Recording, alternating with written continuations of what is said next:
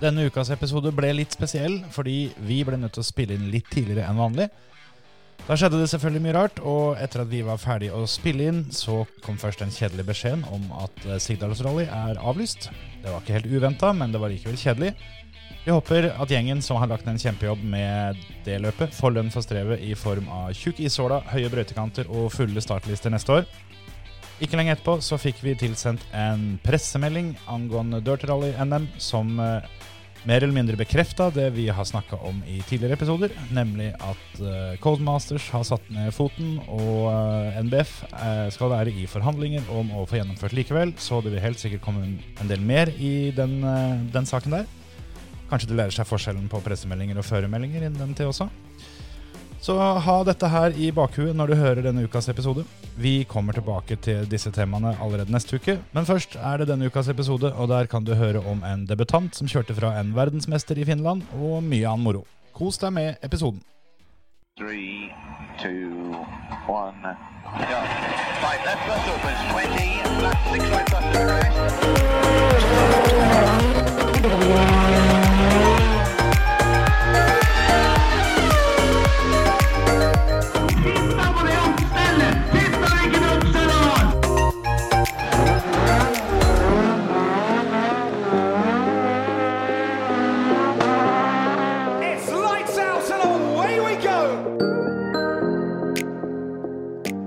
Velkommen til en ny episode av Føremøtet. I dag får vi vel kjøre det gode gamle oppropet, da, siden det ble så mye mas om det sist. Så er du her, Terje? Hei hopp, fluesopp. Emil? Hallo. Jeg heter Kjetil. Hei, hei. Hei hopp, flues opp. Hei og hopp, fluesopp. Har du ikke hørt den før? Nei. Nei, jeg er ikke så mye på Instagram, du. Er den Nei, jeg, nei, det er helt riktig. Det er jeg ikke. Hører ikke på så mye morsom podkast heller, si. Nei. Har ikke, har ikke noe moro i hverdagen. Nei. Henger den sammen med Ikke en dritt Brad Pitt og Null og niks Melvin Dix og dere her? Eh, nei. Nei. I grunnen ikke. Nei, nei. Ja, nei, ok, det er greit. Uh, fint. Så Sånn har det blitt. sånn har det faktisk blitt. Hei og hopp, flues opp til alle dere som hører på. Hilsen onkel Terje. Vær så god. Ja, hva syns dere om uh, uka som har vært? Har det vært ei fin ei? Nei. Nei. Nei, ok. Nei vel, det er greit. Jeg syns den har vært ganske ålreit, da. Så det Vil du utdype noe, Emil? Nei. Dette her virker jo som at det her blir en nydelig episode. Ja. Jeg, jeg kan utdype med at eh, PC-en min tok kvelden. Så derfor så har det ikke vært så fryktelig bra uke for min del. Men um, Arctic Rally Finland var fett, da. Hvis det var det du sikta til, liksom. Ja, blant annet. Sa han midt i en gjesp. Eller han i en gjesp. Nå har vi kommet hele to minutter uti, så nå Dette her flyter. Ja, nei, men det er bra, det. Men eh, ja, nei, det, vi kan jo godt eh, Vi kan jo godt holde et lite minneord over den PC-en din, da, dere. Hvis du føler det hjelper. Vil du snakke om det? Nei da. Ikke noe mer eh, om det? Nei, det blir kremert. Så alle som eh, er uh, bekymra for, for, eh, for å møte plogen på banen, de, de får kjøre litt nå i tida framover, for nå har plogen eh, parkert i stallen. Nei, det er bare å nyte tida framover, folkens. For det, når plogen er tilbake igjen, så har jeg litt å ta igjen. Det blir ikke kjørt noe på ei stund. Nei, Det gjør det ikke. Nei, nei, sånn er det. Da får du ta deg av det, da, Emil. Jeg kan ploge i vei, jeg. Alltid gøy litt ploge litt. Oh. Men Arctic Rally i Finland, ja. Det var egentlig veldig gøy. Det gjorde uka bedre for min del. Jeg har sett eh, alt, tror jeg. Hver meter. Jeg tror jeg har sett hver meter fra etappene. Ja, nei, det er litt feil, for det skal sies at jeg fikk eh, Jeg var litt seint inne, så da hoppa jeg inn midt i eh, etappa til Augier på nest siste prøva på søndag. Ja. Første, første søndag. Da gadd jeg ikke spole tilbake. Men bortsett fra det har jeg sett alt.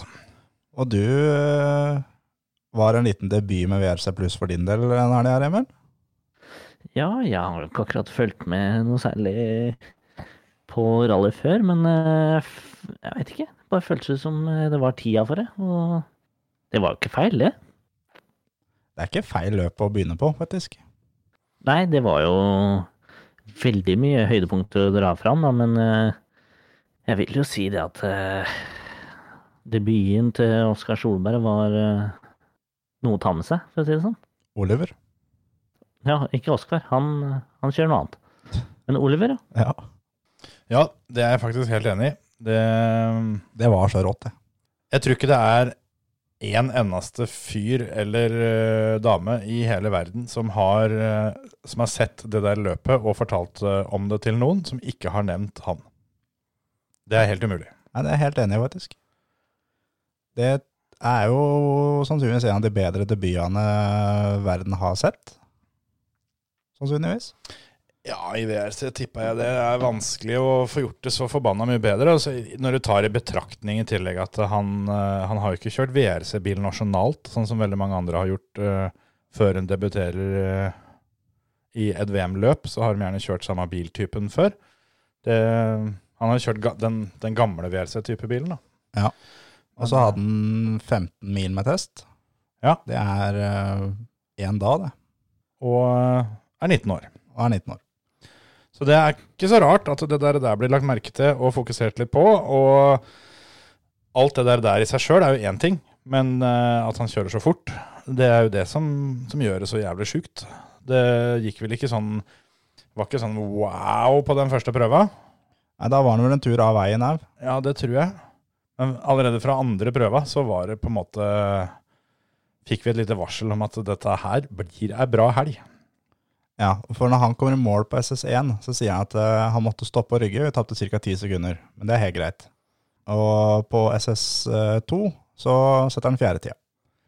Ja, det, det er liksom bare å begynne der. Det tapte et halvminutt på SS1, og som du sier, var uh, inn, innom reversen og litt sånt. Og så er det da SS2, så er det bare rett inn. Og fjerde tid, hvor han uh, der, som egentlig helga for øvrig, slår Ogier, som vel nå har blitt eh, syvdobbel verdensmester, og og leder VM, eller leda da, før, før dette løpet VM i år, og har vel vunnet i, i Sverige, eh, altså vinterløpet til, til VRC noen ganger før. Mm. Han slo han jo egentlig jevnt hele helga, og i hvert fall lørdagen var det vel, så starta han jo etter hverandre. Sånn at uh, Oliver var én bil Altså han starta bak OGL, sånn at det var ikke så store forskjellen på, på forholda heller. Nei, de kjørte jo sånn sett med like, så like forhold det er mulig å få da, i, i rally. Mm. Og, og Oliver kjørte likt som Ogier, og raskere. Så, Og Ogier reiste etter hvert eh, av veien, og det kan fort eh, være mye på grunn av Oliver òg, at det Oliver uh, pusha han så mye. Og da tok Ogier i litt for mye, rett og slett. Det, jeg tror det. Og hvis ikke jeg tar helt feil, så tror jeg Oliver hadde halvparten av prøvene i hele løpet, så var han topp fem. På tre av de fem som han ikke var topp fem, så tror jeg han var i, var i brøyta en tur. Dessverre så skjedde jo det på Power Stage òg, da, for der, eh, der så det faktisk ut som at han skulle få med seg poeng. Der eh, hadde han vel fort blitt nummer fire, tenker jeg, på Power Stage. Ja, hvis han, eh, det kan fort hende at han hadde blitt nummer fire, Uh, fordi han lå noen få tiendedeler foran Ogier på splittene. Og fjerdeplassen gikk til Tanak, som endte to tideler foran Ogier. Så hvis uh, han hadde kommet inn på fjerde der og tatt to powerstage-poeng i, i debuten, det hadde vært uh, litt heftig, altså. Ja, det hadde vært helt rått, faktisk. Det var veldig tydelig da at her har Team Solberg fått eh, utlevert en Hyundai, og gjør det dere vil med den Hyundaien. For det var Oliver sine egne mekanikere og Petter som ingeniør. Jeg så det, at uh, Cuddy, han var på jobb, hadde, hadde farva håret. Så nå, nå var det ikke noe, var ikke noe sølvrev lenger. Nei. Så hele gjengen, Wolfpack som, eh, som de kaller seg når de er med Oliver, de var på jobb, og jeg tenkte på det, for jeg så et intervju med Petter, og da tenkte jeg at det her er jo ikke helt sikker på at Hundai syns er så veldig kult at Petter prater om dette. For det, Petter forteller at vi har bygd om hele driten. Ja. Vi har endra vektfordelinga, vi har endra spissinga, vi har endra fjører, og vi har endra demperoppsett. Absolutt alt har vi stilt om på denne drittbilen for å få den til å bli kjørbar. Ja, det er som Petter sa, at det, At filosofien, den funker på alle biler, den. Ja. Det er jo noe vi har vært inne på, spesielt du har vært inne på før, Terje. Det med at den Hundaien er, eh, er spesiell, og at den antageligvis er veldig veldig tilpassa Neuville sin stil. Ja. Og at veldig mange andre har slitt med den bilen. Den har nok blitt en god del bedre etter eh, at Løb eh, var inne og jobba en del, men han ga vel opp. Men så har jo da Tanak og altså han kommet inn etterpå. Det, mye tyder jo på at, det, at den har blitt bedre, men det, var, det var et stykke igjen, mente i hvert fall Team Solberg. da. Ja. Jeg tror Petter har rett òg, når han sier det. At det, er- det er mye å jobbe med både på sjåfør og særlig på bil, sa han. Så det var Men så er det også det at Oliver kjørte 2020-versjon av, av Hundaien. Ja. Breen, Tanak og Neville kjører 2021-versjon. Så han eh, holder følge med toppgutta og er raskere enn flere av dem med en eldre type bil. Og det var jo spesielt understyringa som eh, jeg la merke til Petter fokuserte litt på. Og det er jo det som andre Andreas Mikkelsen klagde fælt over da når han, eh, han kjørte Hundai. At den var voldsomt understyrt. Ja. Så det, det funker, det der greiene der. Og det snakka vi vel om eh, i forkant òg, at eh, hvis de, disse gutta her som får denne, denne Hundaien og får lov å jobbe litt overtid, så, så blir det faktisk bil av det òg. Ja, ja, absolutt. Skal vi, skal vi ta totallista, eller? Har folk fått det med seg, kanskje? Har du totallista, Antonsen? Ja, det er jo eh, ingen ringere enn eh, Otanak som, eh, som vinner, selvfølgelig. 17,5 sekunder foran Kalle Roland Perre. Til min store fortvilelse. Hadde et uh, lite håp på hjemme, hjemmefavoritten. Ja. Selv om Tanak sikkert var eh, litt hjemmefavoritt, han òg. Men uh, han er i hvert fall foran uh, Thierry Neville, Craig Breen, Elfin Evans og Katsuta. Så kommer vår egen Oliver Solberg. Timo Sunnin Gus Greensmith, som da er først i VRC-klassen. Ja. Gus Greensmith, ja. Din, din mann, Emil. Hans navn kom til sist. Han ble nevnt dønn sist på den lista der. Mm, Ja, bagateller. Ja. Jeg tenkte litt på Gus Greensmith. Eh, han hadde noen eh, kommentarer underveis. Det var spesielt, Jeg husker ikke hvilken prøve, men spesielt ei prøve hvor han uh, ble intervjua på stagehand, hvor, eh, hvor han sa at, at this car is lethal to drive. Og du får ikke på en måte sagt det så mye tydeligere enn det. Da, da veit du at det står en teamsjef nede på servicen, og han går og finner fram slegga og bare Du skal være litt fornøyd da, at det tar litt tid å kjøre fra stagehand og, og ned til service, sånn at han er teamsjefen får kjøla seg litt ned. ned. Men det, allerede på SS1 da, så kom jo da Greensmith eh, i mål uten problemer i det hele tatt. Han er 41,8 sekunder bak. Og før han ser tida si, så er jo han, blir han intervjua. Mm. Og det han åpner med, var 'It was really enjoyable'. Ja. Da er det bare der han er, ja, rett og slett. Men han hadde noen etapper litt utover som han var bedre. Men eh, det var ikke fryktelig mye bedre. Jeg føler litt at han eh, sliter nok litt med det at han nå Nå er det alvor da, fra denne sesongen her. Nå er han jo faktisk førsteføreren til Ford. Ja. Og det er et press som han tydeligvis ikke takler så godt. For det virker litt som det at han har tatt det litt med ro uh, tidligere. For da har han jo bare vært, uh, vært læregutt. Og så dette ordner seg, har han sikkert tenkt. Eller kan hende, i hvert fall. Mens nå da, så, så går det jo ikke noe fortere. Sjøl om det nå er alvor. Men den Forden virker som er dårlig, altså. Gjør nok det. Til og med Suninen, som er bra på snø, han øhm, hadde vel ei etappe, tror jeg, hele løpet som han hang med. Ja, han hadde en veldig, veldig bra en. Og så bortsett fra det, så var det bare bedriten til hele greiene. Det var litt sånn. Så um, jeg eh, er fornøyd for min del, da, fordi jeg hadde Sunninen inne på fantasy-laget mitt eh, lenge og sleit litt med å klare å bytte den ut. Fordi jeg trodde startposisjonen hans og hjemmebanen og alt sammen eh, var noe som skulle komme bra ut. Men i siste lita så bytta jeg den ut, og det angrer jeg ikke på. Men noe av det beste Stage End-intervjuet som var hele helga, det var Craig Breen på SS1. Da kommer han da til mål og er sju sekunder foran alle som har kjørt til mål så langt. Og Molly liksom Dæven, det her var, var bra etappe. Og alt sånt. It was shite. ja. Det var eneste han svarte. Og det var såpass kraftig kost at det intervjuet ble ikke vist i reprise en eneste gang hele helga. Sjøl om det ble prata om ganske mye. Mm. Så tålte ikke mer enn det, gitt. Men apropos stagehand. Den som var kjappest hele helga, Det er Molly. det er Molly. For hun var på stagehand på alle prøvene. Samtlige. Hver eneste en. Og da, når, når første bilen kommer inn, så prater jeg med, med han. Og så kjører den bilen videre, og skal da på en måte komme seg så fort som mulig til mål på SS2. Eller 3 eller 4, eller hvor faen de er hen. Mens Molly hun blir jo værende der et, eh, et bra stykke til for, for å prate med en 10-15 biler til. Og så skal hun flytte seg etter, men hun er framme først. Ja, ja. Så Finlands kjappeste denne helga her, sånn, det var eh, rett og slett Molly. Ja, den prisen tror jeg vi kan dele ut ganske, ganske greit. Så jeg er litt uh, spent på det, på det her, Molly. Kjørte du bilen sjøl, eller hadde du en sjåfør? For det, den av dere som kjørte bilen, var Finlands kjappeste. Men en ting som jeg tenkte på på Power Stage, det la vel sikkert uh, dere begge merke til. Men uh, uh, rett før Oliver kjører ut, så driver han og slår i rattet. Ja. Jeg vet ikke om du fikk noen sånn flashbacks Emil, fra gokart-tida med å ligge bak noen som slår i rattet. For da veit du at da er det bare å få kjørt forbi neste sving med én eneste gang. Det er jo gavepakke når de slår i rattet. Det er jo Tror du, ingenting som er bedre.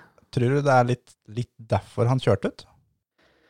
Ja, det viser jo bare at han går ut av den bobla si, da. Mm. For den bobla hvor han sitter, gaper og bare mottar noter, og det går på rein refleks og, ferdighet, liksom. Og så, så fort han da lukker kjeften og slår i rattet, så er det en brutt.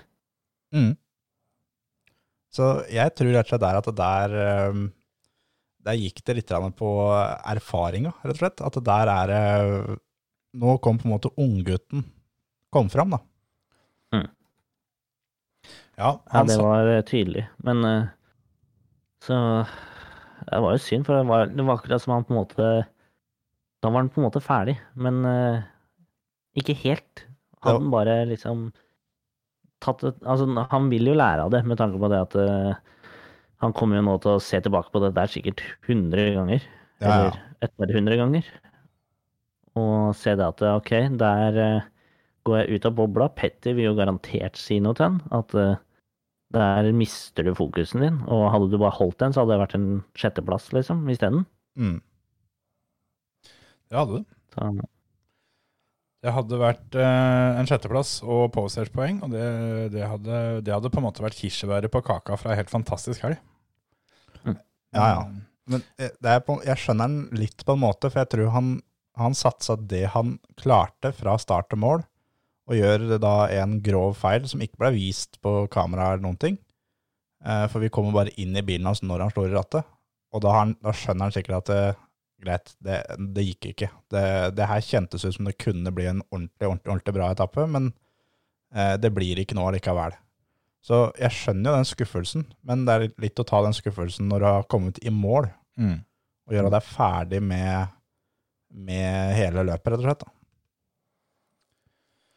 Det er jo litt sånn at eh, det viser jo antageligvis da at, eh, at Petter eh, har, har litt rett, da. Det med at uh, han trenger erfaringa, trenger, trenger å lære, og det å, å forte seg sakte, alt det der, der sånn.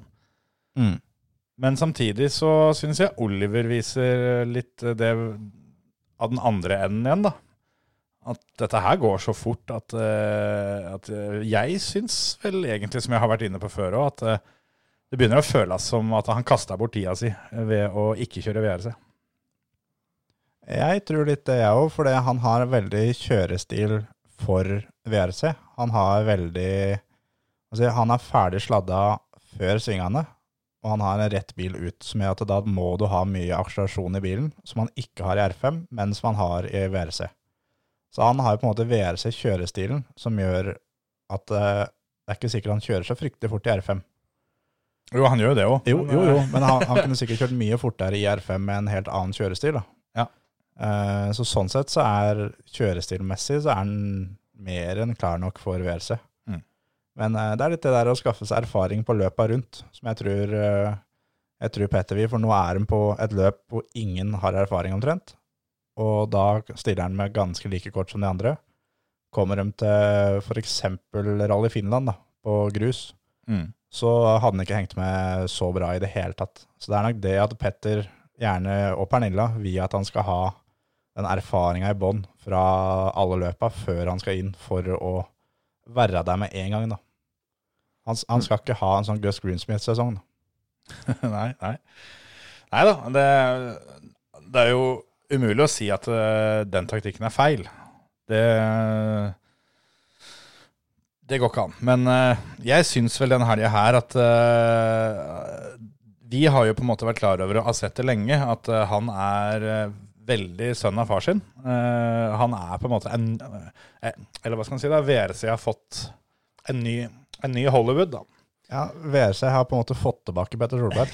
Ja, på veldig mange måter. De er jo så utrolig like i kjørestilen, og de sitter og gaper mens de kjører begge to, og de prater likt. og hørte, hørte Mats Østberg kommenterte det at eh, de høres helt like ut under, under intervjuer.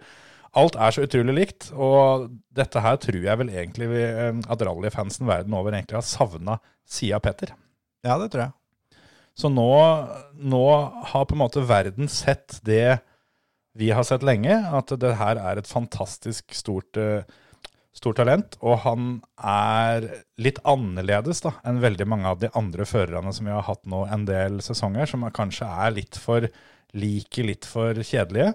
Mm. En som, eh, en som spruta litt farve på, på dette VRC-lerretet, og det trenger VRC, og det, det, det fortjener VRC-fansen. En annen ting som var litt spesielt med Oliver, var at han nesten på de fleste prøver, fra siste splitt og til mål, så er Oliver kjappest. Ja, Av alle. det har ikke jeg sjekka opp. Det er kult. Og det, det er rått.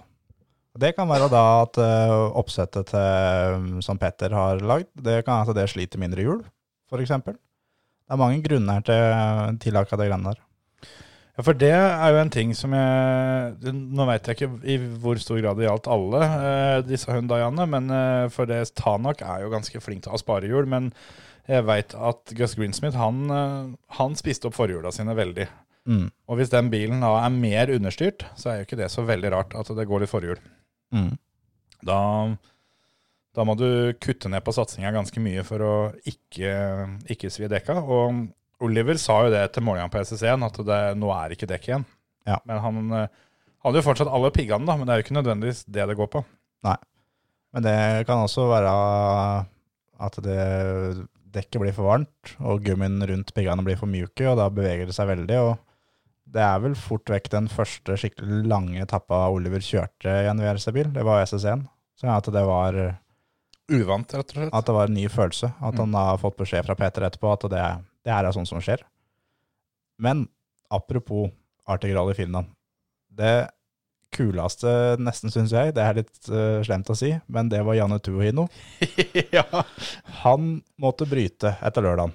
Og det, det kan skje, at folk må bryte løp. Men han brøt Han var så sliten etter lørdagen, så han gikk og satte seg i badstua. han var, ikke sli, altså, han var ikke sliten, han var finsk. Ja, og finsk og sliten, da. Eh, kan hende han tok seg en ørliten bjørnunge òg i den badstua. Når han skulle ut av den badstua, så gikk han på trynet og slo skuldra ut av ledd. Så da var løpet hans ferdig. Det er sjelden du bryter, eh, bryter løp eh, fire-fem timer etter målegang den dagen, altså. Men han er, han er liksom Han er jo en gammel ringrev. Og han var sånn Når han kjørte før i tida, så hadde de sikkert ikke launchkontroll. Så det, han eh, gadd ikke å bruke den nå. da. Han starta med kløtsjen i bånn og rusa opp den motoren og slapp kløtsjen og kjørte. Det er jo synd for han, men eh, veldig gøy for alle oss andre at eh, han, han da klarer å bryte dette løpet på den mest finske måten det er mulig å få bryte i et løp. Ja. Tryne på veien ut av saunaen. Det er eh, Det er helt fantastisk. Men én ting til med Oliver som jeg også tenkte på, og det, det må vi jo prate litt om. For han, han gjør jo det han gjør. Men han som sitter på inne i bilen sammen med han, har aldri sittet på med Oliver før, så han har ukjent kartleser i tillegg. Ja. Det òg er ganske sjukt. Men der, der, der la jeg merke til at um, at Mats Østberg, som, eh, som var med som eh, kommentator på, på VLC-sendinga og gjorde en fantastisk god jobb, han var inne på dette flere ganger, at han trodde ikke nødvendigvis at dette her var, eh, var noe ulempe i det hele tatt. Nei, jeg, jeg tror personlig ikke det.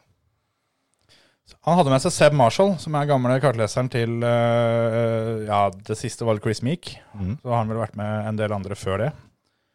Men eh, han er jo fryktelig fryktelig erfaren eh, og anerkjent. Og ifølge Østberg så er han den beste engelskspråklige kartleseren som fins.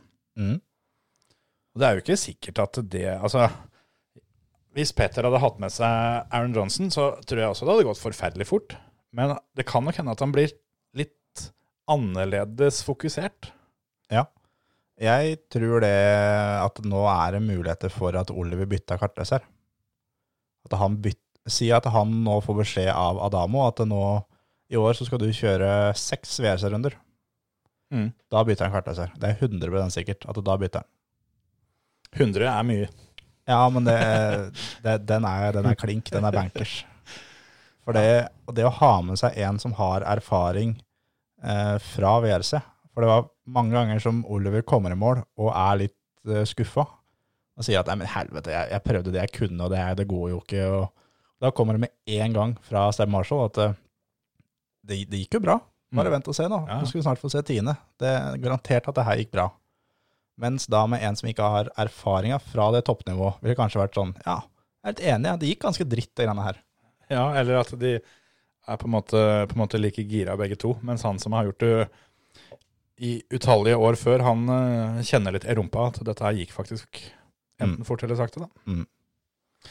Nei, det var, det var gøy, å, gøy å se det fliret til, til, til Seb Marshall etter målgang noen ganger. Der, sånn. Som spesielt SS1, hvor, eh, hvor, hvor Oliver er ganske, ganske hard med seg sjøl. Som, du- som du ser Seb Marshall bare, bare flirer litt og kikker bort på noe, så sier han bare It's the first stage, mate. Så var liksom sånn, Vi har akkurat begynt, og dette skal bli en lang, lang helg. Så Nei, altså jeg tror kanskje du er inne på noe der. At uh, Jeg tror nok de undersøker mulighetene, i hvert fall. Uh, jeg tror at Oliver, og egentlig alle i hele teamet, er superfornøyde med Aaron Johnson. Ja, ja, ja. Og um, det har mye å si åssen det fungerte med Sam Marshall utafor bilen og en del sånt òg, men uh, i utgangspunktet så ser jo dette ut som en oppgradering. Men det er klart at hvis det her var den ene turen han har i VRC, og han skal tilbake og kjøre full sesong i R5, som er hovedplanen, Mm. så fortsetter nok Aaron ut året, i hvert fall. Ja, altså Hvis han skal bytte, så er han avhengig av at, at, eh, at Marshall er interessert i, i en veldig langsiktig greie. Ja. For det, det er ikke aktuelt, tror jeg, å bytte for eh, denne sesongen og kanskje neste. Han, han, må, han må vette at dette er her sånn kan vi holde på med i fem år. Ja, ja. Minimum. Absolutt. Men jeg så at Seb, Seb Marshall han var fryktelig imponert etterpå, han òg. Jeg så, så han la ut litt meldinger i sosiale medier her at eh, han, han, han oppsummerte bare med at 'this kid is going places'. Ja, absolutt. Men eh, vi kan jo gå kjapt innom i R5 òg. Det må vi. Det er jo vel så spennende for, for vår del. Der har vi eh, Andreas Mikkelsen, som sa før sesongen i år at han, han skal dominere. Han skal dominere hvert eneste løp han Mm. kjører. Eh, det funka bra i Monte Carlo. Der dominerte han. Og så gikk det over til løpet her. Det var ikke så planlagt at Esa Pekka Lappi skulle være med å kjøre, tror jeg. Nei, jeg tror ikke det var i planen hans. Så eh, Andreas blir slått med nesten 50 sekunder. 47,7 sekunder blir han slått med av Lappi totalt på løpet. Og Lappi De kjørte ti etapper. Lappi vant ni av dem. Mikkelsen vant den viktigste, da. Ja, Power Stage. Men jeg så noen videoer som publikummet publikum hadde filma ute på skauen eh, av SAP Kalapi. Mm. Og det er faen ikke mulig å kjøre fortere, for å si det sånn, uten at det, det går av. Jeg tror ikke Lappi klarer å kjøre like fort en gang til uten å dra heller. Nei, det er helt riktig. For satan i gatan og det der, der gikk, altså. Ja, han kjørte helt ekstremt fort. Og så må vi også ta med at um, uh, Eivind Brynildsen ble jo da henta inn som supersub til det løpet her, og ender på fjerdeplass i WRC2. Mm. Det er eh, fantastisk imponerende, rett og slett. Ja, og han også hadde jo med seg Veronica Engan, og de, de har kjørt sammen før, men det er en stund siden. Så det var litt sånn semi-ny eh, ny dame i høyrestolen for, for hans del òg. Og ikke kjørt R5-bil siden eh, litt eh, tidlig på høsten i fjor, vel. Ja, noe rundt der. Han blei ble jo bytta ut mot slutten av sesongen. Fikk jo ikke kjøre Mansa, blant annet. Ja. Så det er bra. Ole Kristian Veiby tok femteplassen i WRC2, rett bak eh, Eivind. Tror ikke det skilte så fryktelig mye mellom de to. Ja, snaue ti sekunder. Ja. Veiby sleit vel litt med bilen, eh, hørte jeg. Og må jo skyte inn det da, at i forrige episode så sa jeg jo det at uh, Oliver var første i VRC uh, siden Mikkelsen. Mm. Men det var jo feil, for Veiby kjørte jo VRC Hundaien attpåtil i, uh, i høst, i Monza. Ja, det gjorde den. Så der uh, dret jeg meg ut. Bæsja du på deg? Ja. Skal vi gå kjapt innom fantasy nå, eller gutter? Ja. Nei. Ja, vi, eh, vi kan jo fortsette å oppsummere Fantasy sånn som Dere la jo lista sist. Ja, vi kan si at jeg var best. Eh, det, ja, nei. du var jo det, men vi bør ikke snakke mye om det. I verden. Akkurat det skal du få. Takk, takk. Men du leverte et av dine bedre løp da, Emil. Ja, jeg har ikke endra noe, så det Nei, gutta dine ble eh, 21 av 60, så det er eh, Du har flere deg nå enn det du pleier. absolutt Det går bare én vei. Det går oppover. Det var en jækla fight mellom, eh, mellom deg og Andrea, som er min kjæreste, en stund der, sånn, men du lefsa ifra du på siste dagen. Ja, det var jo Etter første dagen så lå han liksom litt oppå og viste seg, og så var det bare snakkes. Ja, det er 21 poeng i favør Andrea totalt for sesongen, i den grad vi bryr oss om sånt. Så det gjelder å følge opp. Og så er det Ja, gøy, da. jeg, jeg gjør ikke noe endring, så det er bare å Det laget her står, så gutta har bare å jobbe. Det, jeg tenker jo det er enda søtere seier om jeg da vinner uten å endre en dritt hele året. Ja. Men hvis det er sånn at en av førerne dine ikke er påmeldt til løpet, ryker han ut da for en sub det ene løpet, og så kommer tilbake igjen til neste, eller åssen gjør du det da? Laget står. Emil har brukt sånn engangspassord, han. Sånn at han får ikke endra. Men en annen ting, det er, det er ganske øh, gøy å se at øh, P. Poverud Racing Division er øh, på andreplass her. Jeg hadde tenkt å si det, at eh, det som eh, er det sjukeste fra hele løpet, er at eh, mannen som eh, etter gjentatte forsøk har vist at, eh, at Fantasy VRC og han de er ikke så veldig gode venner, han klarte endelig å prikke inn et topplag. Ja, det var deilig å se, faktisk. Så er det, det er mye nykommere her da, som har kommet opp, øh, som ikke var med i Monte Carlo, som er med og, og fighter her sånn. Det er blant annet på 11. plass med Øystein Herfjord med Memes and Dreams, som er oppe og, oppe og nikker litt. Kniper seg foran mm. Hagen Motorsport, ser jeg. Memes, ikke memes. Memes. Men vi er 59 stykker totalt. Vi må Hva må målet være for neste løp? Over 75? Ja, Det syns jeg. Ja. Folk har ganske god tid på seg, da. For det, det sjekka jeg i stad. Det er, eh, det er lenge til neste VS-runde, for den er ikke før rundt din, eh, din bursdag omtrent, Terje. Slutten av april. 22. april har dere folk på seg, eller fram til da.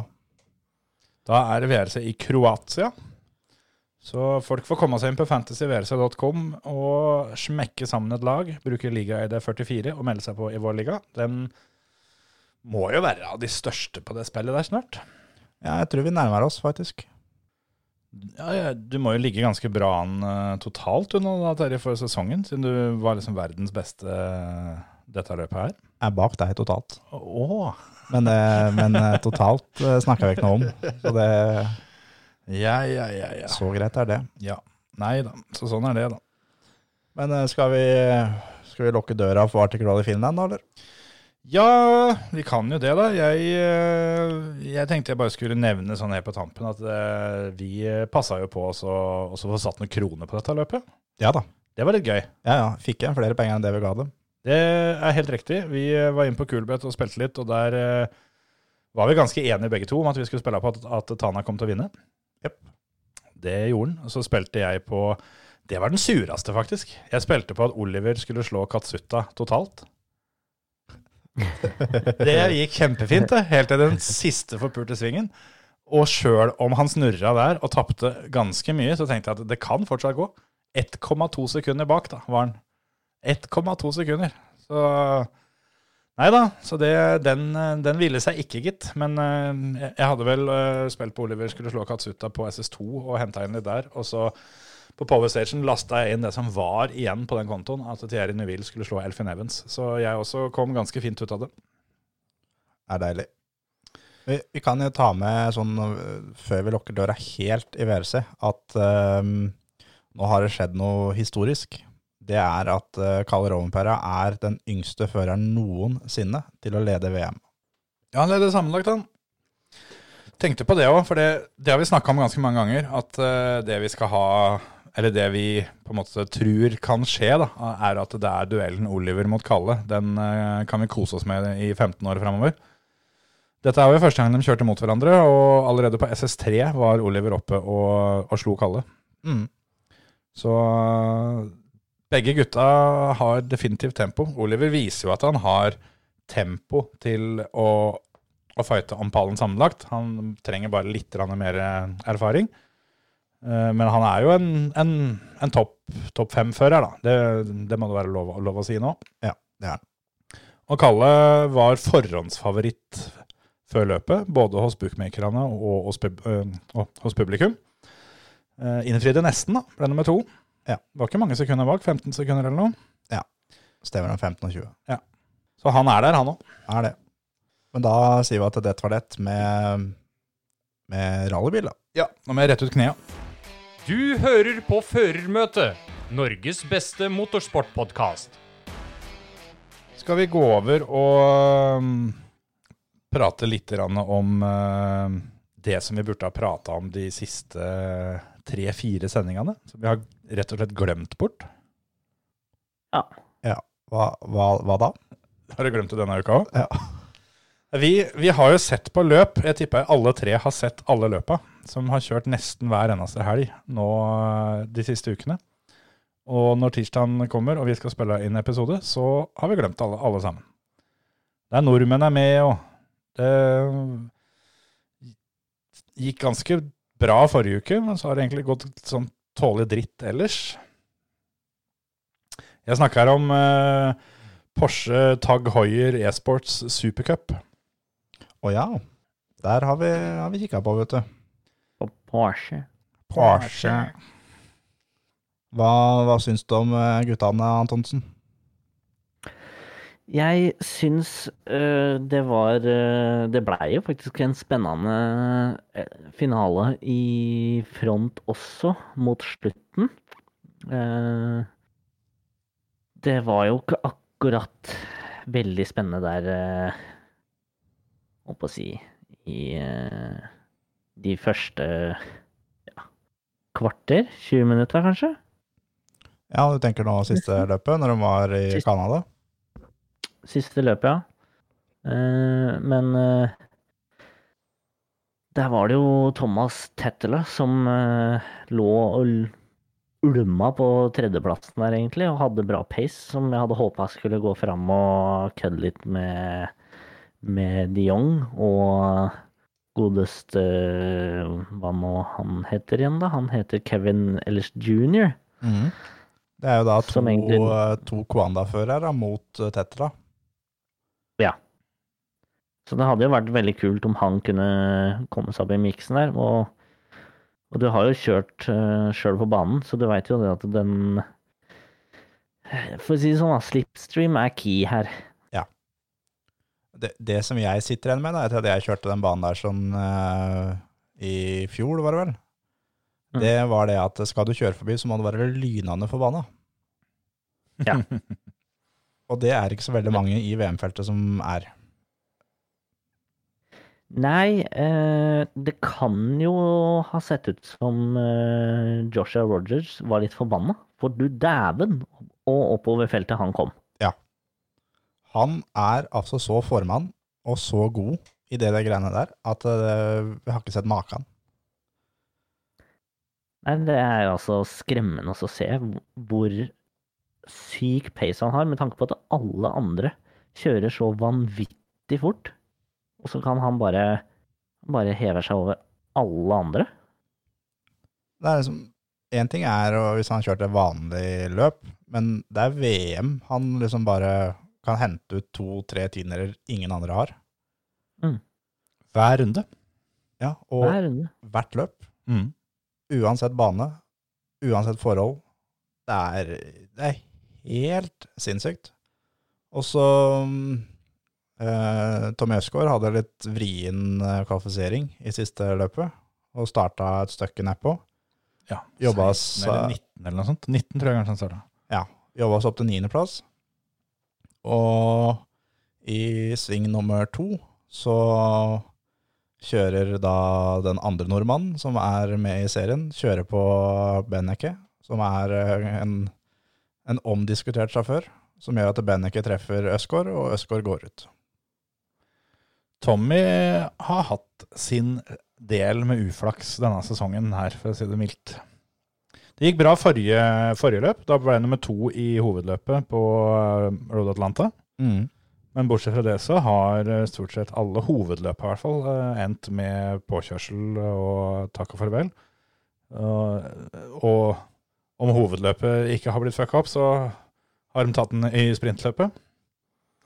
Ja, det er akkurat det. Så det har vel vært litt sånn eh, opp og ned for begge to. Både Sindre Setsås og Tommy Østgaard har eh, vært involvert i mye og, og stort sett eh, kommet ut med det korte strået i handa, for å si det sånn. Ja. Men det går, det går ganske, ganske fort med begge, syns jeg. Det, Tommy har pleid å være helt, helt oppe i toppen på kval. Eh, Sindre har stort sett kvala seg inn eh, et, et lite stykke bak, men pleid å avansere ganske bra oppover feltet eh, underveis i løpet. Så før det løpet her så tror jeg de lå omtrent helt likt i sammendraget. Eller om det var før forrige løpet, før Tommy ble, fikk den annenplassen sin. De Men begge, de er i hvert fall nummer 12 og 15 totalt nå. Tommy på 12., Sindre på 15. Ja, og det er topp 20 som er cutoffen for å være automatisk kvalifisert til neste sesong. Ja, så har de fire runder igjen de skal kjøre. Ja. Men når de kjørte på Road Atlanta, det er kanskje det kuleste løpet jeg har sett ever. Og det er både når det gjelder simracing og vaneracing. Det, Mm. det feature-løpet, altså det siste hovedløpet der, herregud så fett det var. Ja, det var helt sjukt spennende, faktisk. Det, vi veit jo at det er eh, spennende løp på Road Atlanta. Men at det skulle være så jævla spennende, det hadde jeg ikke forventa. Nei, for der var, liksom, der var Tommy med og, og jobba litt, rett og slett. Da starta jo han fra pole, for han blir nummer åtte i det første løpet. Og, Han leda jo en stund. Ja. Og så tenkte både jeg og, og flere òg at eh, når han da blir forbikjørt første gang, at nå er det kjørt. Nå detter han bare nedover. Men så gjør han det eneste riktige som er å få gjort, det er å kjøre forbi igjen med én eneste gang. Mm. Og taktisk i det løpet der sånn, så gjorde Tommy absolutt alt rett. Han kunne ikke gjort et bedre løp, rett og slett. Nei, det var vanskelig for han å ikke gjøre det. For at, eh, hadde han ikke kjørt forbi med en gang, så hadde han ikke ødelagt rytmen Mm. til han som kjørte forbi. Jeg husker ikke hvem det var engang. Eh, Men eh, da hadde han fått lov å holde den flyten, og så hadde Tommy begynt å rase bakover. Ja. Og isteden så kunne han egentlig lage et tog. Så ble det jo sperrespor, da. Gode, gamle sperrelinja. Absolutt. Og det var eh, Tommy På den banen der sånn, så er det veldig veldig fordel å ligge først, for det er veldig mye curbs du er nødt til å treffe helt perfekt. Og det gjorde også Tommy veldig veldig riktig, at han eh, prøvde å holde seg i front så mye som mulig for å kunne eh, kjøre trygt da, på de vanskelige stedene på den banen her sånn. Og hadde veldig, veldig ofte luke når han kom til langsletta, men så er det da slipstream som gjør at han blir tatt igjen over sletta hver gang. Ja, det er jo umulig nesten å stikke av på Road Atlanta, for det har jo det, en del tekniske partier, men den langsletta er så lang, og hvis du er innafor sekund med den Porsche-bilen, så er, det jo, er du innafor slipstreamen, da, og da rekker du å spise inn det forspranget. Det gjør det. Og så skjedde det jo litt i siste sjikana i det løpet der. For Tommy var vel egentlig nummer fire eller fem inn i siste sjikana. Ja. Så var det vel eh, de Jong og Kevin Ellis jr. blant annet. Som, eh, det var vel de to, tenker jeg, som gikk i hverandre. Og da kom Joshua Rogers opp og forbi, som gjorde at han vant både sprinten og future-løpet. Og Tommy kom forbi og ble nummer to. Nå blei vel eh, Ja, eller Rogers fikk innsida ned siste svingen. Ja. På Hvem var det igjen, da? Jeg tror det var Kevin Ellis jr., altså. Ja, jeg tror det var det. Og Kevin legger litt inn, og prøver å legge inn litt for mye. Der er jo Joshua helt oppe på sida, og går da rett ut, rett i veggen. Får heldigvis eh, tredjeplassen sin. Så han tapte ikke mer enn akkurat den til, til Tommy, da, heldigvis. Men eh, bra for Tommy, og kjipt for Kevin. Ja. Det var deilig at Tommy at han var der når, når det skjedde.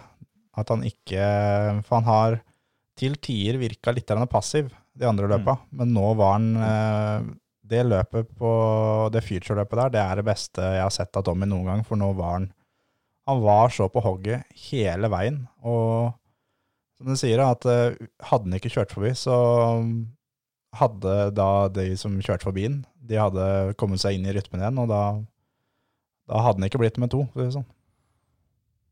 Nei, nei det, det er tydelig det at de, de banene som Tommy føler seg veldig trygg på, og har en bra pace, så er han også mye mer aggressiv Mm. i kjørestilen, og er mer med hele veien.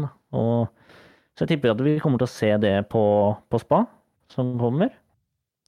Ja, så det er neste runde. er han nok eh, veldig, veldig på, for det er jo favorittbanen hans. Så Jeg tenkte på det samme, jeg òg. At eh, det så ut som at Tommy rett og slett var ferdig med å bli, eh, bli kjørt av banen. Altså nå, nå var det litt mer horn og, og litt mer albuer. Og det, det så ut til å funke utrolig bra på, på, på Rådet Atlanta. Det var ikke så mye han eh, kunne fått gjort annerledes med den avkjøringa som han fikk nå i helga som var. Men jeg gleder meg til spa, for det tror jeg kan bli gøy å se på. Mm. Nå, nå er det da fire runder igjen. Nå er det spa neste runde. Så skal de på Nordsløyfa. Så skal de kjøre Le Mans. Så skal de kjøre Monza. Mm. Og når vi snakka med Tommy for noen uker siden, så var det Nordsløyfa som han satsa ordentlig på. Det To, eh, den gleder jeg meg til. De to neste løpa skal jo da uh, være veldig, veldig fine for Tommy. Og, og Monza, som er siste runden, der ble han vel nummer tre forrige sesong. Var den eneste som holdt følge med Red Bull-gutta. ja, det stemmer vel, det. Så det er, eh, det er håp her nå, altså. Le Mans eh, ble jo ikke kjørt forrige sesong, men der leda vel Sindre Setsaas før det løpet ble stoppa. Ja, stemmer det. Det var vel der det var noe rør med noe bensin og noe greier. Som Ja. eh, var synd, for det, det husker jeg også. Der, eh, der var Sindre skikkelig, skikkelig kjapp. Så mm, vi, får, vi får se. Det får håpe begge guttene får seg noen eh, ålreite resultater, sånn at de er trygge på å få kjøre neste sesong før avslutningene, sånn at ikke de har det der presset på seg i tillegg. At de kan, eh, kan kjøre med senka skuldre hvis de eh, får de poengene de trenger tidlig. Ja, absolutt. Jeg tror Tommy har litt eh, litt lavere skuldre, faktisk. For han har jo tross alt dobbelt så mye poeng som 20-plassen. Ja. Eller 20.-plassen. Godt poeng. Og så Så tror jeg, jeg, tipper at vi kommer til å se en aggressiv eh, Tommy neste løp. Absolutt. Det, jeg tror også Tommy er eh, er tryggere på en måte da, på pacen sin. Han, eh, på treninger før løp så kan han sjekke åssen farta hans er mot f.eks. Rogers. Er den ganske lik som Rogers, så veit han at han er i toppen på det løpet der. Og mm, ikke et vondt ord om Sindre Setsaas, men jeg mener at Tommy Østgaard er en bedre simracer enn det Setsaas er òg. Ja, det tror jeg. Han har jo også mer erfaring å gå tilbake på, så det, det vil jo hjelpe han. Ja. Tommy er vel eh, heltidsfører om dagen nå, så han eh, har et apparat rundt seg som, eh, som bidrar. Og det, det gir resultater, det. Det er hyggelig å se. Men eh, gutter, mens vi er inne på Tommy, så er jo Tommy med og arrangerer noe av det råeste for eh, norske simracere. Og eh, jeg trodde det var vi som satte opp Dirtligaen vår sjøl, jeg. Er, er Tommy med på det? Den er helt der oppe. Han er ikke med, men på den. Men eh, Vi, vi kan Han er nøye oss med en med- andreplass. ok, da. hæ? Vi kan nøye oss med andreplass her, vi. Ja, det får være greit. Ja. Nei da, han eh, er jo med å arrangere Simracing Grand Prix. Så da NM i simracing. I år som i fjor. Og eh, det er ikke akkurat noe mindre opplegg i år, for å si det sånn. Har de rett og slett steppa, ste, steppa det opp? Ja, vi kan jo begynne med det at de har ganga premiepengene sine med ti. Oi. Så totalt så er det 100 000 kroner å kjøre for i år. Da snakker vi faktisk. Det er altså, hvis du går av som totalvinner, så vinner du faktisk 50 000 kroner rett i lomma. Rett i fôret, rett og slett. Ja. Rett i fòret. Og alle innafor topp ti sammenlagt får pengepremier. Kult. Da begynner det å hjelpe seg, altså. Så Ja, er, det vel, det- eh, er det vel litt eh, Er det ikke noe sånn at den som vinner Future-løpet, får penger av? Jo da, de har nok tatt litt inspirasjon av, eh, av VM, rett og slett. For vinneren av hvert future-løp i A-finalen stikker av med 1000 kroner. Og om du ikke er blant de aller raskeste, så har de premie til deg da også. Den føreren med færrest incident points, f.eks., som har deltatt i alle løp, for 1000 kroner.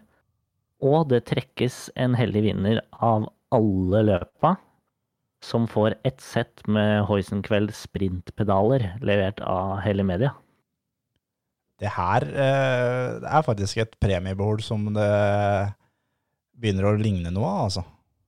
Dæven. Det kan du trygt si. Men eh, dere la kanskje merke til at det, var future-løp jeg sa? Mm. Og det er rett og slett fordi at de har kopiert VM-formelen på flere måter. Og de kommer da til å kjøre en sprintfinale og et future-løp. Så da to finaler hvor eh, de åtte første blir snudd etter eh, sprintfinalen. Fett, altså. Så de har tatt, eh, de har tatt VM-serien og bare copy-pasta dette inn eh, til NM. Med, det er samme bil, samme regelsett og samme løpsoppsett. Ja. Kult. Ja, det der er dritfett. Det er nye poengsystem. Jeg skal ikke gå inn i det poengsystemet, for det er eh, Det er tungt. Det, for de som har veldig lyst til det, kan få lov å gå inn på det spreadsheeten inn på Simracing GP-discorden og kikke. Men eh, de har også da kopiert dette eh, straffeopplegget som VM har kjørt, da, med penalty points på lisensen din, holdt jeg på å si. Ja. Så da Ja. prikker blir eh, utlevert i fleng, tipper jeg. Det er litt overraskende, da, i og med at når vi hadde Tommy innom her for noen uker siden, så var jo det en av de tinga han ikke var fornøyd med fra VM. Mm. Men det kan jo hende at uh, når ting har satt seg litt, og han har kommet litt mer inn i det, at han har uh, kanskje undersøkt litt mer bakgrunn for at systemet er som det er, og finne ut at det kanskje ikke er så dumt. Og så kan jeg at han uh, lager et penalty-system som fungerer, kontra det i VM. Mm.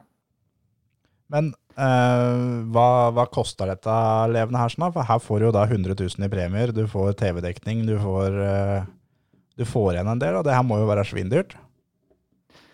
Er ikke det, vet du. Det er eh, det som er så jævla bra, og det er at påmeldingsavgifta er 450 kroner. Det er halvparten av NM på dirt, det, som jeg snakka om før. Ja. Og det, det Mm. som var hovedkjernen i den, eh, den der kritikken mot eh, dirt, var jo hva du får for penga. Ja, ja. Og, og her får vi et veldig godt eksempel på hvordan det skal gjøres. Her, her mener jeg faktisk at eh, altså SRGP de kunne forsvart en påmeldingsavgift på 900 kroner. Ja, eller mer. Det eh, er noe annet enn NM i dirt. De, eh, de får eh, Begge deler får eh, NM-tittel fra NBF og denne fantastisk dyre kransen og alt, alt det der som, som er der. Og det er, det er fortsatt like mye jobb med Altså det er antageligvis mer jobb når det gjelder SRGP, med poengberegning, alt det der, der sånn, som er litt mer komplisert. Så her er det bare å ta av seg hatten til SRGP-gjengen for å for å rett og slett sette skapet på plass på åssen dette burde vært gjort. Så får vi se om eh, Dirt-NM kommer med mer informasjon, som eh, det har blitt lova at det skulle skje i disse dager. Det var vel nå i starten av mars, så mm, vi får bare se om det Om de, eh, om de følger etter SRGP-gjengen, for det, det, det er sånn det skal gjøres. Ja, rett og slett. Det, SRGP var helt rått i fjor, og det virker som det blir enda råere i år. Det skal sies at eh, de som har lyst til å melde seg på, vite litt mer, bidra f.eks. på andre måter, kan gå inn på simracinggp.no. Eh, Der får du all informasjon du trenger som deltaker, eller som, eh, som en som vil se på løpet, eller som vil støtte løpet. Og de har også gått ut og sagt at de, de trenger flere til å hjelpe til. da. Så hvis eh, det er noe du kan tenke deg, så er det bare å ta kontakt med guttene. Så. Først, første løpet går 4. april. 4. april, litt over en måned til, da. Da skal de til Cota i USA. Er det Circuit of the Americas? Korrekt? Der som de kjører Formel 1? I, er det i Texas? Ja. I Austin eller noe sånt? Ja. Men nå som denne premiepotten eh, blei noe som det smaker litt fauer, da. Er, det- nå vet jeg det at PC-en din er gåen, Terje, så det er ikke meninga å gni det inn. Men er det litt mer interessant for dere å, å delta på dette her, eller? Jeg vil si både ja og nei. Eh, Jeg tenker jo det at med et sånt opplegg, så vil det jo også si det at, eh, at løpa blir bedre. Eh, Mhm. Og eneste som gjør at jeg sier takk, men nei takk, tenker jeg, er at den utviklinga som er gjort på den Porscha, gjør at jeg må ha så jævlig mange timer i den bilen for i det hele tatt slippe å måtte sitte og fylle bleia hver sving. Ja. Og så er det noen av de banene der, sånn som blant annet Kota, da. Det er jo et geitehelvete av en bane å kjøre denne Porscha på. ja. Jeg kjenner jeg får løkringer under armene bare av å prate om det. ja. Jeg kan jo skjønne det. Jeg tror du er inne på noe der med at, eh, at løpa som helhet blir bedre. For jeg tror det er ganske mange som kommer til å putte inn eh, enda litt flere treningstimer nå som det ligger 50 000 kroner i, i potten her. Altså. Mm. Eller det ligger 100 000 i potten, men du kan, du kan, du kan sikre deg 50 000, da. Eller om du vinner alle løpa, så får du alle de enkeltpremiene nå. Så en, en 50 000-60 000, da. Hvis du er skikkelig god. Altså før vi, jeg og Emil kjørte jo de to siste løpa i forrige sesong. Vi kom til A-finalen begge gangene. Men jeg gikk inn og sjekka på det, og i treningstimer til hvert av løpa så var det jo nesten 40 timer vi la inn. Og vi kom ikke på pallen, noen av oss. Og vi veit det at eh, skal vi være med nå, så er det, det er minimum 40 timer. Men dere har jo et litt annet grunnlag nå enn det dere hadde for et år siden. Det skal være lov å si det at, at 40 timer nå ville antageligvis tatt dere til et annet sted enn 40 timer den gangen. Ja, på en måte, men forrige gang så kjørte vi kun den bilen. Vi kjørte ikke så mye annet, så jeg har nesten ikke kjørt den bilen der siden vi kjørte den eh, i fjor. Mars-april i fjor. Ja, stemmer det. Du, du var liksom innstilt på at den bilen var, eh, var den bilen som gjaldt, helt til du prøvde GT4-bilen. Ja. Og så var det det som gjaldt, helt til du kom deg inn i TCR-en. Ja, ja. Men det er sånn som for min del, at grunnen til at jeg kjører TCR, er ikke fordi at det er den kuleste bilen å kjøre. Det er pga. da ligaen den kjører. Så hvis det er noe at den skulle meldt seg på Simracing Grand Prix, så hadde det blitt den bilen. Og kun den bilen. Mm, mm. For det, det er det en sånn nivå er i Norge nå, så er det En er nødt til å legge ned så ekstremt med timer bare for å holde følge. Bare for det å komme til A-finalen nå er helt, helt, helt sinnssykt.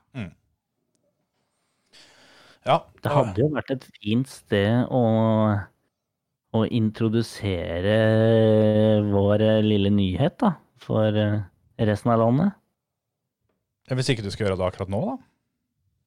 Jo, men altså på en måte en sånn Et første på en måte løp som resten av Norge får med seg, da. Ja, ja, ja. Men det, vi, vi kan godt det, men da, da tar du da det ansvaret å komme på TV og komme i A-finalen.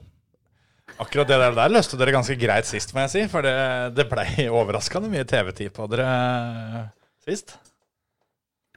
Jeg sørga i hvert fall for å få dratt av litt skikkelig på første løpet, sånn at eh, vi kom litt i bildet her. Ja. Stemmer det. Og så tok jeg meg akkurat det samme i løp nummer to. Det gjorde du for så vidt òg. Det gjorde jeg òg, ja. Så ingen fare. Det var eh, det, var ikke, det var ikke noe problem å skjønne det at her var det noen som hadde gjort seg flid med et skin som eh, helst skulle vises fram fra alle vinkler. Sånn at det, det var føremøtebiler fra sida, bakfra, overfra, forfra. Det, Vi hadde jo sponsorer rundt hele bilen, må jo vise fram alle. Ja, ja, ja. nei, det var fint. det. Men vi, vi kan jo si såpass at det Emil tisa litt med her nå, at det er noe vi skal Det kommer en nyhet da, innenfor sim, eh, sim-verden. Det kommer en nyhet uh, om litt. Ja. Kan vi vel si. Ja, Spennende. Men når vi er inne på simracing, for eh, jeg vet ikke om du hadde noe mer om simracing Grand Prix, Emil? Nei, det, det var vel det jeg hadde. Ja. For i helga som var, så ble det arrangert tolvtimersløp på Bathurst. En Ja. fantastisk rå bane. Og i da toppsplitt, som liksom er de beste av de beste, så var det Team Redline med Max Verstappen og Enzo Bonito som vant. Det er uh, kult i seg sjøl. De tok en allmennrunde og var overlegne. Det som er enda sjukere, er at de kjører da tolv timer uten et eneste instant point.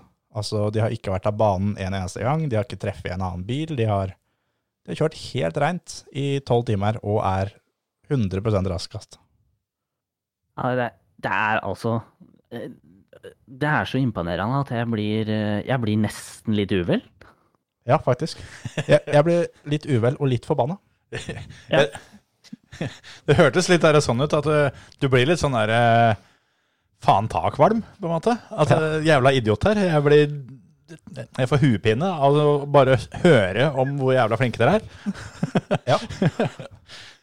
Ja, Det er altså så vanvittig. Altså, det, dette er toppsplitt på Bathurst sitt, eh, eller iRacing sitt eh, tolvtimersløp på Bathurst. Mm. Og gutta kjører bokstavelig talt rundt alle. Én runde i løpet av tolv timer. Ja, det, det i seg sjøl er liksom det at de er så raske at de tar igjen alle de beste i verden med ei runde. Det er kvalmt nok. Men så skal du da kjøre da uten å gjøre én jævla feil da, på tolv timer. Jeg, jeg har jo ikke kjørt iRacing, men jeg har kjørt Bathurst på eh, et par andre spill. Og det er jo en bane hvor du har veggen klin innat idealsporet opp til flere steder. Ja, ja. Og det går jævlig fort der. Ja, ja, ja. Så øh, jeg sliter litt med å huske det at jeg har gjennomført øh, tre runder på rad uten vrake på den banen der. Men, øh, men den er jævla morsom, da. Ja, det er helt eh, drøyt rå bane, og det er egentlig der i kveld som eh, den ligaen jeg kjører med TCR, skal egentlig kjøre der i kveld. kjenner det er litt vondt at jeg ikke får vært med der, men eh, på en måte så er det litt godt òg.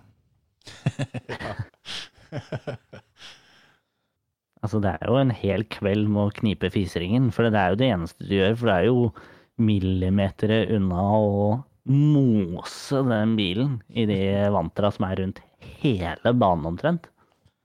Ja, det, det er en litt sånn bane at hvis du kommer inn i pitten med speil på begge sider av bilen, Kjør for sakte. da er det pingle. Rett og slett. Jeg snakka litt med Dennis Olsen om den banen der sånn for noen dager siden. Som han sa, for han vant jo eh, Bathurst 12-timeren der i fjor, vel, på ekte.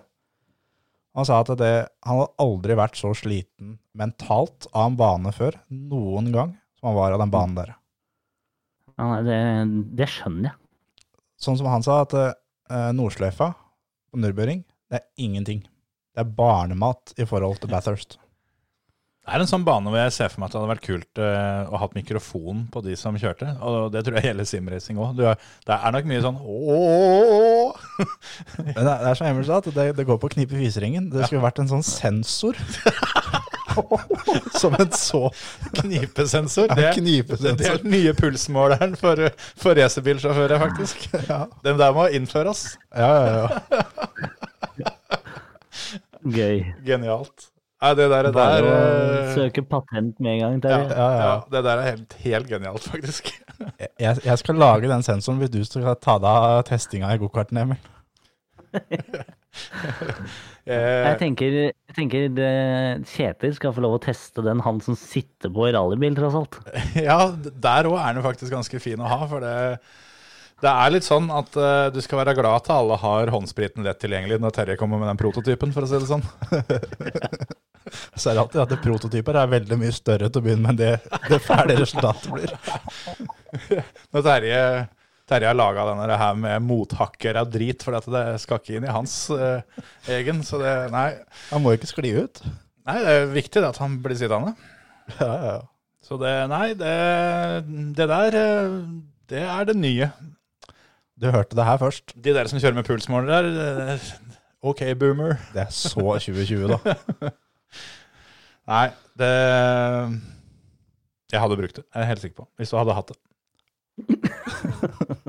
Bare for moro skyld. Fordi jeg, nå kommer jeg til å tenke på det. Hvis det blir Sigdalsrally til helga, så, øh, så kommer jeg til å tenke på det underveis. Om, om jeg sitter og, og kniper eller ikke. Og det er jo ikke bra. Nei, nei, nei. Det er, Derfor hadde det vært veldig mye bedre å hatt en sensor, så jeg kunne bare ikke tenkt på det og finne det ut etterpå. ja, ikke sant? Det er, det, er ikke så, det, er, det er ikke så dumt som det det høres ut som. Er ikke det, vet du. I hvert fall ikke nå. Nei, nei, nei. Det, hadde, jeg ikke, hadde ikke du lansert ideen, så hadde ikke jeg tenkt på det heller. Ikke sant? Men nå kommer jeg til å tenke på det. Gründer, vet du. Men apropos Sigdalsrally, det må vi jo bare si at uh, innen denne episoden her har kommet ut, så har det kommet en avgjørelse på om det blir kjørt løp eller ikke. Ja. Per nå, vi aner ingenting, og derfor så skal vi ikke snakke så mye om det heller. Det er helt riktig. Det kan hende det blir løp, eh, og blir løp, så skal jeg eh, være med. Hvis ikke det blir løp, så skal jeg holde meg hjemme. Jepp. Men det er vel ikke så mye mer å si, vel? Annet enn at eh, vi får bare se åssen ting eh, bærer i veien, og åssen det går, og hva som skjer. For det, det er væromslag, og det er eh, ødelagte PC-er og det ene og det andre. Alt er helt usikkert, og ingen veit. Jeg skal jo rett til tegnebordet, jeg nå. Nå skal jo tegne sensor. Ja, Det er egentlig greit at ikke du har den PC-en, sånn at ikke du ikke du får kjørt. For nå har du tid til å, å designe og ikke minst prøve ut denne sensoren din. Jeg skal ta meg kun av tegning og utformelse. Nå har dere to sagt dere villige til å være testkaniner, så det er bare å begynne å smøre opp allerede nå, gutter. Ja. Alt går vel med litt rå makt og vaselin. Det er korrekt. Inn skal når vi skal grine begge to. Flott, flott, flott. Skal vi si det er bra, da, eller? Vi gjør det. Ja. God helg, folkens. God helg. God helg.